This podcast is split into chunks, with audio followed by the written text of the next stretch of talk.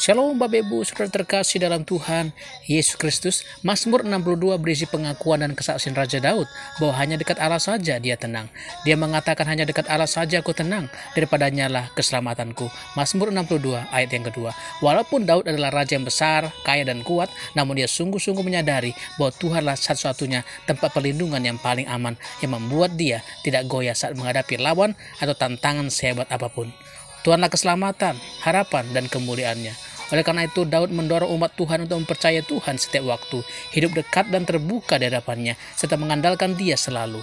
Jangan percaya atau menaruh harapan pada manusia atau pada harta duniawi, tetapi andalkan Tuhan yang memiliki kuasa serta berlimpah kasih setia.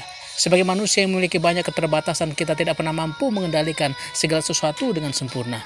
Banyak hal yang kita tidak tahu termasuk apa yang akan terjadi besok dan masa depan kita apa pun yang sudah kita miliki, harta, gelar, jabatan, prestasi, dan sebagainya, dan siapa pun yang kita andalkan, semuanya terbatas dan tidak akan dapat memberi rasa aman dan ketenangan sejati bagi kita. Situasi-situasi dalam kehidupan ini terus berubah dan terkadang membuat kita terpuruk.